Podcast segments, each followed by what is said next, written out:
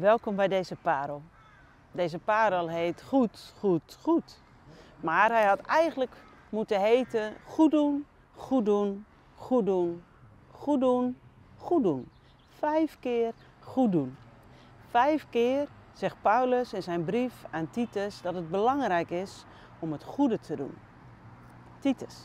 Beetje een rare naam in het Nederlands als je hem zo uitspreekt. Ken je hem? Weet je wie hij was? Vaak kennen we Timotheus wel, maar van Titus hebben we vaak niet zo echt gehoord. Terwijl hij wel een aantal keren in de Bijbel voorkomt. Hij wordt genoemd in de brief aan de Galaten, de brief aan de Corinthiërs, eh, de brief aan Timotheus. En hij heeft zelfs een eigen Bijbelboek in onze Bijbel, de brief van Paulus aan Titus. Hij was tot geloof gekomen in Antiochië toen Paulus daar was. Hij verbleef daar, hij was nog niet op zendingsreis. En in die tijd leert hij Titus kennen. Titus was niet Joods. Waar Timotheus nog een Joodse moeder had, had Titus geen Joodse voorouders.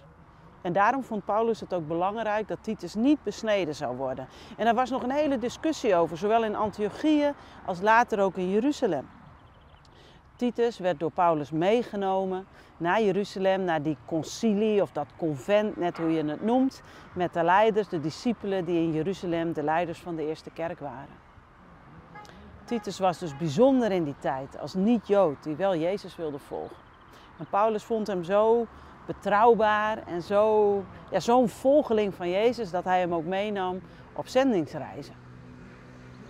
En uh, op een gegeven moment lezen we ook over Titus dat Paulus zegt in 2 Korinthe 8: Ik dank God dat hij Titus net zo enthousiast over u gemaakt heeft als ik ben. Toen ik hem opnieuw vroeg om naar u toe te gaan, bleek dat hij geestdriftig daar zelf al toe had besloten. Dus Titus maakte ook zijn eigen plannen. Hij volgde Jezus en hij wilde achter Jezus aangaan. En dat was ontzettend belangrijk voor hem. Geloven met handen en voeten in de praktijk, met je hele hart. Nou, op een gegeven moment bleef Titus achter in Kreta en Paulus reisde alvast weer verder. Hij had daar een missie.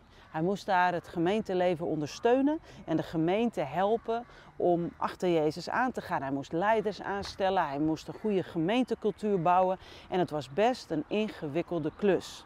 En daarom schreef Paulus ook een brief aan Titus om hem uit te leggen wat hij het beste kon doen, om hem richtlijnen te geven. En het is niet een hele grote brief, maar het is een brief van drie hoofdstukken in onze Bijbel. En in die brief staat wel vijf keer de oproep Titus, zorg dat jij en de gelovigen goed doen, het goede doen. En ik wil eigenlijk graag alle vijf keren even met je lezen en die tekst voorlezen. De eerste staat in Titus hoofdstuk 2 vers 7. Daar spreekt Paulus over jonge mannen, net als Titus zelf ook was. Hij was een jonge man. En hij zegt, joh, geef dan met jouw daden, goede daden, ook het goede voorbeeld. Dat is de eerste oproep. En even verderop in vers 14 zegt Paulus: Jezus heeft zichzelf voor ons gegeven om ons van alle zonde vrij te kopen, om ons te reinigen en om ons tot zijn volk te maken dat vol ijver is om het goede te doen. En dan begint hij ook hoofdstuk 3 met deze oproep.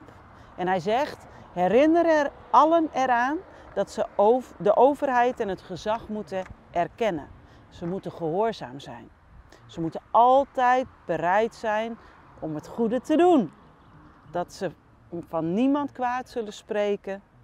Vredelievend en vriendelijk moeten ze zijn. En ze moeten zich tegenover iedereen zachtmoedig gedragen. En verderop in het hoofdstuk, in hoofdstuk 8, staat het weer. De vierde keer. Deze boodschap is betrouwbaar. Ik wil dat je hierover met overtuiging spreekt, opdat zij die op God vertrouwen zich erop toeleggen om het goede te doen.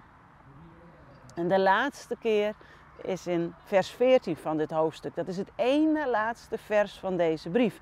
En in dat ene laatste vers is de vijfde keer de oproep. Zo belangrijk vindt Paulus dit. Laten ook onze mensen leren om zich in te spannen het goede te doen, waar dat dringend nodig is. Zo maken ze zich nuttig.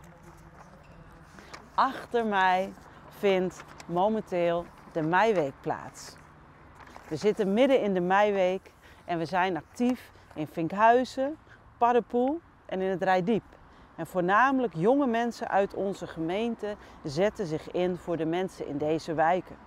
Ze doen dit omdat ze Jezus hebben leren kennen. Ze zijn door Hem gereinigd. Ze zijn volledig vrij en ze zijn vol ijver om het goede te doen. Dat wat we net gelezen hebben, dat zie ik hier gewoon gebeuren. Ik zie vriendelijkheid en er is een sfeer van vrede. En Jezus gaat hun voor. Ze sporten met kinderen en tieners. Ze doen spelletjes en ze knutselen samen. En er is ruimte voor koffie en thee en ranja en water en wat lekkers. En een goed gesprek. Er klinken bijbelverhalen en persoonlijke verhalen, getuigenissen. En ook soms een toeter op de achtergrond. Ze zijn nu druk bezig om net te starten. Er is ontmoeting, er is liefde. En de kracht die hieronder ligt, is dat ze hier elke week zijn. Elke week zijn wij hier als groepje van onze gemeente vertegenwoordigd. In de wijken, weer of geen weer. En dat is goed doen. En de kracht die hieronder ligt is ook dat wij als gemeente voor ze bidden. Ook dat is het goede doen. Onze kerk is geen gebouw. Onze kerk is geen zondagse bijeenkomst. Wij zijn de kerk. En ons geloof is niet een soort gedachtegoed en het gaat ook niet om het geloof. Het gaat om God zelf. Geloven is Jezus volgen. En de kerk zijn jij en ik. Misschien heb je het al vaker gehoord, maar wij zijn het als wij in actie komen om ook het goede te doen. Onze kerk is elke dag en overal waar jij komt. God zelf is de bron van al het goede, zegt de Bijbel. En Hij wil het door jou en door mij heen geven. Dat het zichtbaar wordt, dat Hij zichtbaar wordt. En daarom neem ik deze parel op op deze plek. En als de meiweek voorbij is straks en jij deze parel gaat zien, dan kun je denken, ja, de meiweek is weer geweest. Maar dat geeft helemaal niks, want ook vandaag heb jij de kans om het goede te doen. Vertrouw op God. Span je in. Kijk om je heen. Wees vriendelijk. Wees vredelievend. Wees zachtmoedig. En probeer eens te kijken waar, Heere God, wilt u mij gebruiken om het goede te brengen, om het goede te doen, om u zichtbaar te laten worden. Ook vandaag. Dat is mijn gebed. Ook voor onze gemeente. Is dat ook jouw gebed? Jij en ik, wij zijn de kerk. We willen het goede doen en Jezus zichtbaar laten worden in deze tijd op de plekken waar Hij ons brengt. Amen.